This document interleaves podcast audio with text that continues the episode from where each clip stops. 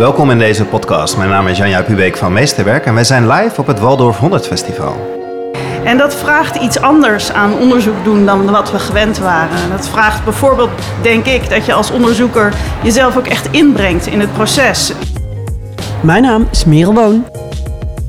Dit is Meesterwerk. Aziza Meo is de eerste lector van het lectoraat Waarden van Vrije Schoolonderwijs. Het lectoraat startte in 2014 vanuit een gedeeld verlangen om vrije schoolonderwijs te bestendigen en te versterken. Daarin wordt steeds gezocht naar taal om vrije schoolonderwijs met iedereen genuanceerder te kunnen bespreken en te verdiepen. Maar ook om nieuwe vragen te formuleren. Afgelopen vier jaar heeft Aziza bijgedragen aan het uitvoeren van onderzoek, het ontwikkelen van een master, de eerste teammaster ter wereld, notabene, professionalisering van leerkrachten en opleiders. Ze heeft bijgedragen aan de groei van studenten en ze heeft ook nog tal van voordrachten gehouden.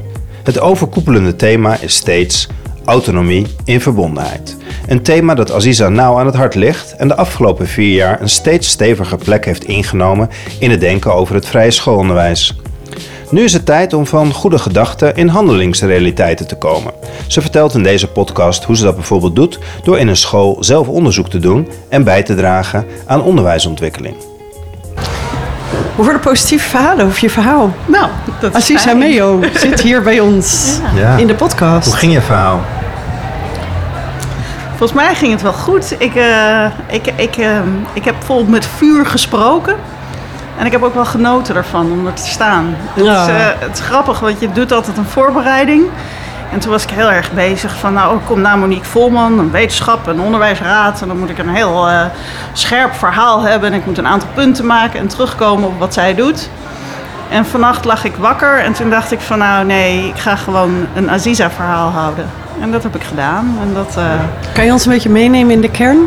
Ja, Wat was de kern van het Aziza-verhaal? De kern van het Aziza-verhaal was dat we prachtige dingen hebben gedaan de afgelopen 100 jaar. Maar dat daar ook nieuwe vragen uit naar voren komen. En dat zijn vragen waar we volgens mij prachtige instrumenten voor in handen hebben om daarmee aan de slag te gaan. En een van die vragen is dat we in de vrije school eigenlijk heel goed zijn geworden om leerlingen in hun eigenheid te laten verschijnen. En dat te waarderen en dat er te laten zijn.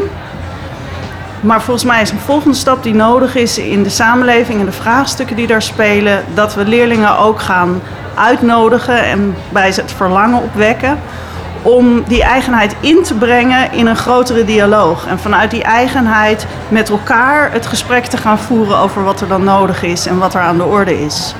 Dus het moet niet meer stoppen bij de, bij de ik-ontwikkeling, maar je wil eigenlijk die ik-ontwikkeling in die wij-ontwikkeling door gaan brengen. En dat is volgens mij een nieuw stuk. Want dat vraagt om ook los te laten van wat we al weten en wat we al kunnen en wat we vanzelfsprekend vinden. En echt open te gaan staan voor wat er wil verschijnen en wat er aan de orde is. Jij bent dit ook aan het doen hè, met een team in Leiden. Jazeker. Kan je daar iets over vertellen?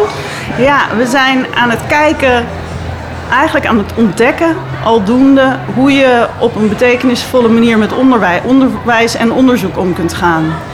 En we hebben natuurlijk heel veel tradities van hoe je in het onderwijs onderzoek inzet en hoe je onderzoek doet en wat goed onderzoek is. En je hebt die tradities in de, je zou kunnen zeggen, de traditionele of de reguliere wetenschappen. En je hebt die tradities in de vrije school ook. En wat wij aan het doen zijn, is kijken, eigenlijk verkennen van hoe kun je dat bij elkaar brengen. En niet zozeer vanuit ehm, de externe standaarden die altijd al hebben ge- ge- gegolden, of die we met elkaar hebben ingesteld. Maar veel meer vanuit de vraag van wat is er nodig in deze tijd. En dat vraagt iets anders aan onderzoek doen dan wat we gewend waren. Dat vraagt bijvoorbeeld, denk ik, dat je als onderzoeker jezelf ook echt inbrengt in het proces. Jezelf een onderdeel van dat grotere, van die grotere dialoog maakt. En dat is ongelooflijk spannend en kwetsbaar ook. Ehm, en we weten ook nog niet zo goed hoe dat moet. Dus daar oefenen we ook op met elkaar. En soms lukt dat prachtig. En soms eh, nou ja, slaat het echt volledig dood. En gaan we Kan je echt een mooi voorbeeld geven wanneer het mooi lukt? Wanneer het mooi lukt. Nou, we hebben bijvoorbeeld. ehm, we hebben met elkaar gezocht naar hoe je die traditionele manieren van onderzoek doet, zowel in de vrije school als in het reguliere, of je daar een dialoog tussen kunt laten ontstaan. Dus waar dan de, waar de overeenkomsten zitten en waar de verschillen zitten. En dat was echt een proces waarin we met elkaar op zoek zijn gegaan. Ik gaf van opmaat daarin, maar de dialoog die zich ontspon daarin en hoe we daarin aan het zoeken zijn gegaan, werd iets van ons samen. En daarmee werd het veel groter en veel rijker dan wat ik alleen had in kunnen brengen. Of wat ieder van de anderen daarover dacht en wist en aan ervaring had. Maar juist doordat het bij elkaar kwam, kon er iets groters gaan ontstaan. En dat inspireert dan weer. En het leuke van het onderzoekswerk wat we doen, is dat je dan vervolgens. Ja, ga je dat niet opschrijven en komt het niet ergens in een computer te staan of op een papier te staan. Maar ga je kijken hoe dat dan werkt in de praktijk. En voor mij, een van de dingen die ik mezelf heb gegund afgelopen jaar, het, het afgelopen jaar is om zelf ook weer onderzoek te gaan doen. En ja, ik merk hoe ongelooflijk vervullend dat is en hoe blij je daarvan wordt en hoe rijk dat is om gewoon in die klas te kunnen zijn, uh, in de school te kunnen zijn en te kunnen kijken en te kunnen vragen en te kunnen observeren en ook dingen terug te geven en dan te kijken wat daar weer uit voortkomt. Mooi voorbeeld. Wauw, heel mooi. Dankjewel. Je gaat helemaal van stralen ook. Als Ja, je ja, dat, dat is ook echt. kunt het dan dat je moest zien. ik ook echt weer terugvinden. Ja. Want ik moest ook voor mezelf. Hè, ik had ergens ook een soort beeld van ja, wat, wat is dat dan onderzoek doen als lector? En daar heb je een bepaald beeld bij wat er dan aan verwachtingen is. En, eh, en dat moest ik ook voor mezelf als het ware in het rijden komen dat ik misschien niet aan die verwachtingen kon doen, maar wel iets kon doen wat betekenisvol was en vervulling geeft. Mooi. Is dit iets wat, wat, de vrije school, wat het vrije schoolonderwijs je gebracht heeft? Absoluut. Ik denk dat het vrije schoolonderwijs voor mij echt ertoe bijgedragen heeft dat ik ehm, een intern kompas heb waarin ik steeds probeer te luisteren naar wat heb ik dan te doen. En ook waar je ergens intuïtief kunt voelen van het klopt of het klopt niet. Daar stopt het niet.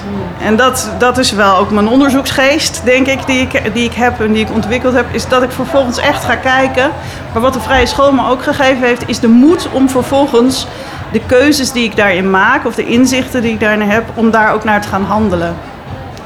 Dus toen ik op de universiteit werkte bijvoorbeeld, dat was, eh, dat was heel leuk en ik heb dat, dat ging hartstikke goed. En ik, eh, ik zat echt op zo'n fast track om eh, nou ja, veel goede dingen te gaan doen in universitaire termen. Maar op een gegeven moment werd ik, zat ik vast met tussen onderwijs en onderzoek doen. Als, je, als je op de universiteit werkt, dan moet je dat allebei doen. Zeker als je nog geen hoogleraar bent. En dan...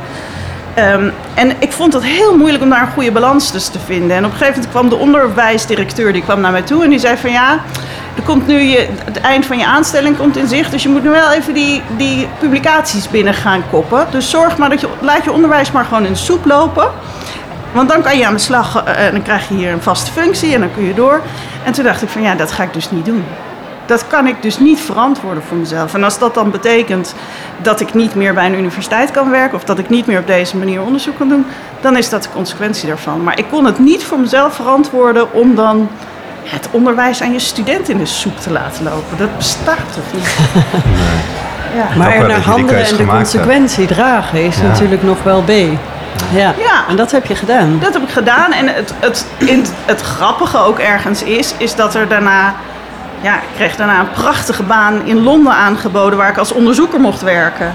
Dus ik mocht ruim twee jaar lang fulltime met onderzoek bezig zijn. En heel Engeland afreizen om allerlei gezinnen op te zoeken en met kinderen te spreken en ouders te spreken.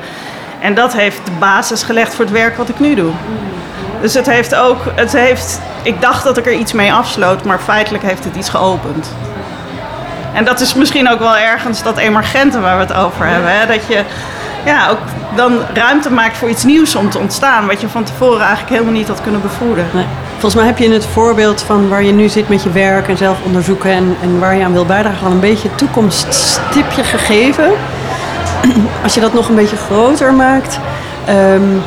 eh, hè, dus onze vraag is misschien ook een beetje filosofisch. Welke droom jij voor de komende 100 jaar? Of hoe kan het onderwijs daaraan bijdragen? Hoe kan jij, hoe kan vrij schoolonderwijs daaraan bijdragen? Ja, ik hoop dat we gaan zoomen met elkaar als bijen. En ik hoop dat we gaan zwermen als bijen.